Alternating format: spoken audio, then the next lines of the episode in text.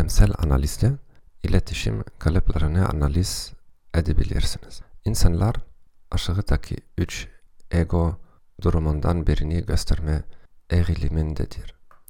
Ebeveyn, çocukluklarında gözlemlediklerini tekrar ederler.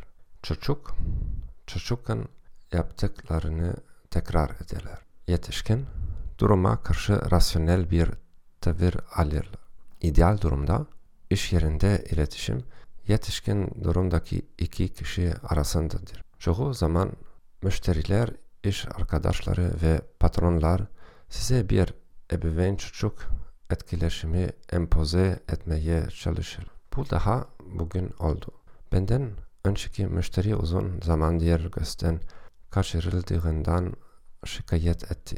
O zar zor bir yetişkindi ancak personeli zalim bir baba ve da anne gibi cezalandırmaya çalıştı. Ondan sonra bekleyerek kaybettiği tüm değerli zaman için ağlayarak çocuk moduna geçti.